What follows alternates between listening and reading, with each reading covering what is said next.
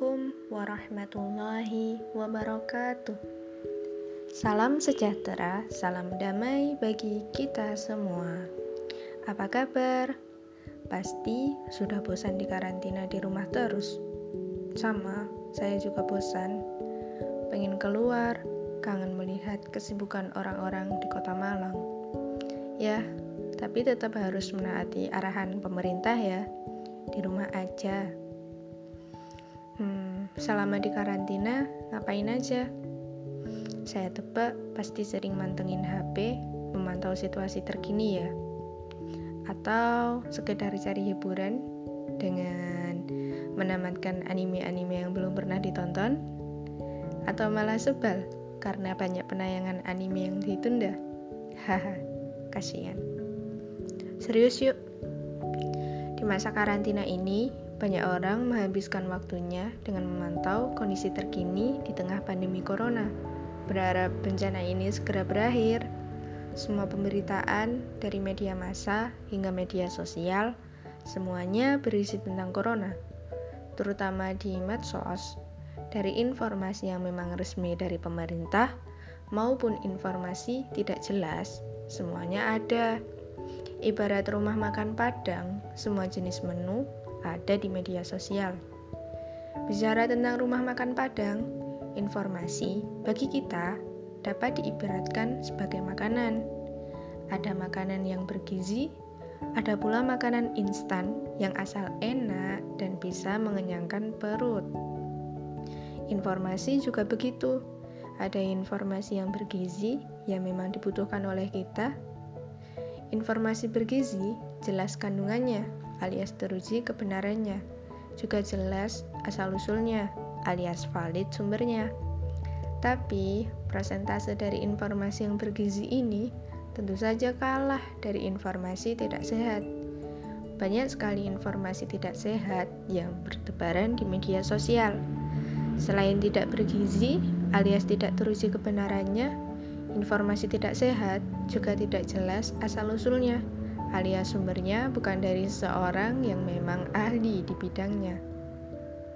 Informasi tidak sehat ini biasanya disebut dengan hoax alias berita palsu. Tidak asing kan dengan hoax? Apalagi di saat pandemi corona ini. Saya baca di detik.com, kabarnya Kominfo telah menemukan 474 isu hoax di Facebook dan YouTube bertanggal 8 April kemarin.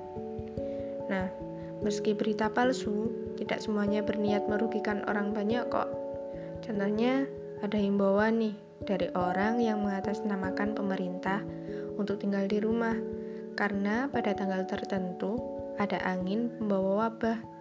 Isi informasinya salah, namun tidak merugikan karena hanya menyuruh untuk tinggal di rumah. Tapi tetap tidak boleh disebarkan ya kalau ada informasi hoax. Kasihan pemerintah, harus klarifikasi sana sini. Terus, apa sih ciri-ciri informasi hoax? Yang pertama, sumbernya tidak jelas alias tidak resmi. Bisa jadi informasi tersebut menyatut nama tokoh, tapi setelah ditelusur, ternyata tidak ada sangkut pautnya dengan tokoh tersebut. Jadi, konfirmasi ke pihak yang seharusnya berwenang aja ya, kalau ada informasi yang tidak jelas sumbernya. Yang kedua, judul tidak sesuai dengan isi. Judulnya apa, isinya apa. Apalagi yang cuma suka baca judulnya aja harus hati-hati. Jangan baca judul aja lalu komentar. Baru baca judul, udah main sebar aja. Jangan ya. Yang ketiga, biasanya isi informasinya tidak memenuhi kaidah 5W1H. Tahu kan kaidah kelengkapan informasi? Dan yang terakhir, biasanya isi informasinya minta untuk disebar semasif mungkin. Kadang dengan embel-embel, tidak disebar, masuk neraka. Waduh. Itu di antara ciri-ciri berita hoax. Masih ada beberapa ciri lain sih, tapi empat itu yang paling utama. Nah, tadi saya bilang, meskipun hoax, namun tidak selalu merugikan orang banyak ya. Ada istilah yang lebih keren lagi di kalangan pekerja informasi. Ada namanya misinformasi, disinformasi, dan malinformasi. Apa itu? Yuk bahas. Misinformasi adalah informasi yang salah.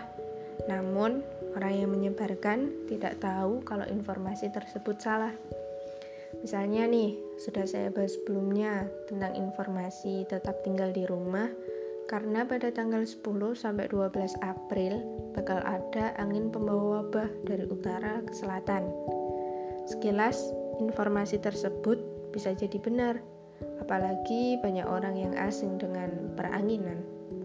Namun, setelah dikonfirmasi ke BMKG atau LAPAN, pada tanggal tersebut tidak didominasi oleh angin utara. Nah, karena para penyebar berita hoax ini tidak tahu kalau informasi tersebut salah sebelum dikonfirmasi oleh BMKG, namun niat untuk menyebarkan informasi karena peduli dengan orang lain, informasi tersebut disebut sebagai misinformasi. Bahasan kedua tentang disinformasi hampir sama sih. Bedanya, kalau disinformasi, orang yang menyebarkan tahu kalau informasi tersebut salah untuk merugikan orang lain. Misal, kemarin ada informasi tentang adanya kuota internet gratis sebesar 100 GB di semua operator seluler dengan mencantumkan link. Nah, ini yang bahaya. Biasanya, kalau sudah menyertakan link, ada niat jahat di baliknya.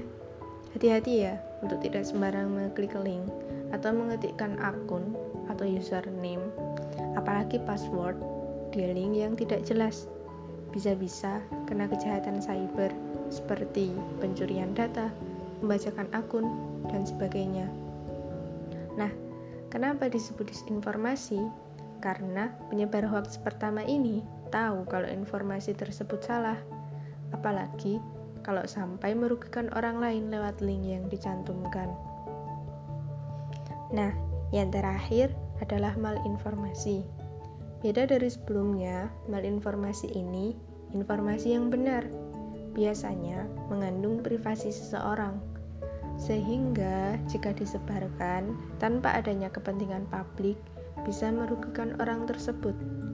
Contohnya nih, identitas orang yang positif corona pertama di Indonesia.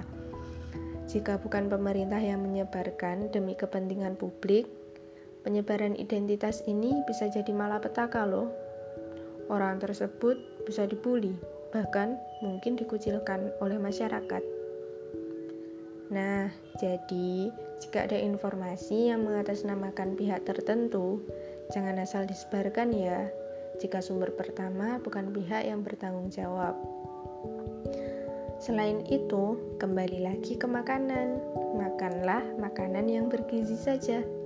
Ambillah informasi yang memang diperlukan saja. Ambil informasi yang benar dan bermanfaat. Biar otak kita tidak capek melahap, melahap banyak informasi. Apalagi kalau informasinya tidak sehat, bisa sakit kita. Iya, kalau ada yang peduli saat kita sakit. Kalau nggak ada, kasihan. Oke, segitu aja. Jumpa lagi di podcast selanjutnya. Maaf kalau kebanyakan. Biasa, podcast pertama. Wassalamualaikum warahmatullahi wabarakatuh.